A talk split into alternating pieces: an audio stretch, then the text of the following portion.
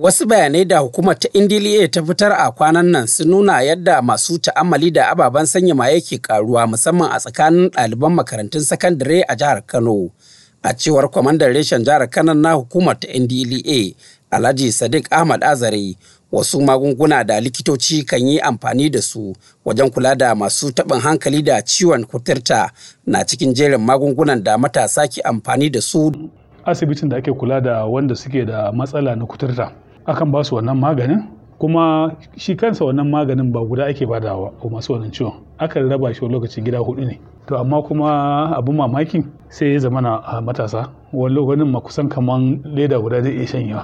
Banda cutan kaman kuturta lalurin taɓin hankali shi ma akan yi amfani da wannan maganin.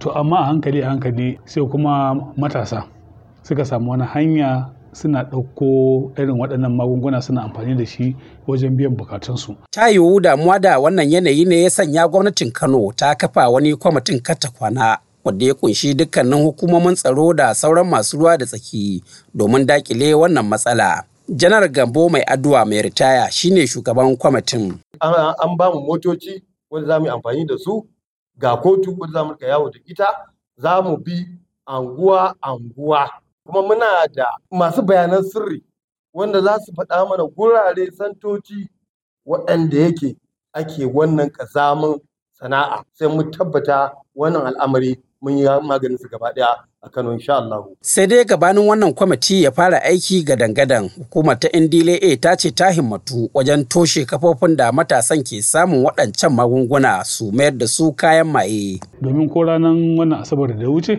a nan akwai babban kamu da muka yi na wannan maganin wajen kilogram 81 kwaya-kwaya da muka samu 249 ko wannan da muka kama shi ɗin nan ba a shigo da shi a kwalinsa ba. Kulle shi aka yi a buhu kamar yadda ka san an ɗauko buhun hatsi. Yan vigilante na unguwanni da sauransu su ma suna taimakawa wajen sa ido akan wannan abun a yanzu.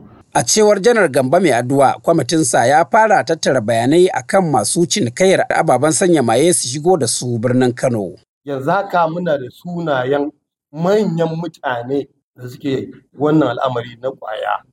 Kuma sannan akwai wata kasuwa da aka buɗe ta ɗangoro. To muna ƙoƙarin wannan ɗangoro market da yake tana da matakan tsaro.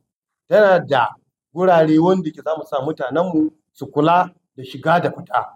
Idan Allah ya sa muka kafa kotun nan muna ƙoƙari mu ga duk wani wanda yake sai da magani drugs pharmacy za mu yi ƙoƙari mu maida shi wannan wajen yanda yake duk abin da ke faruwa za mu kula da shi. Sai dai masu kula da lamura sun ce nasarar aikin kwamitin za ta dogara ne kacokam akan goyon bayan da ya samu daga gwamnati al'ummar gari da sauran masu ruwa da tsaki a cikin al'umma. Mahmud ibrahim kwari muryar amurka daga kano nigeria.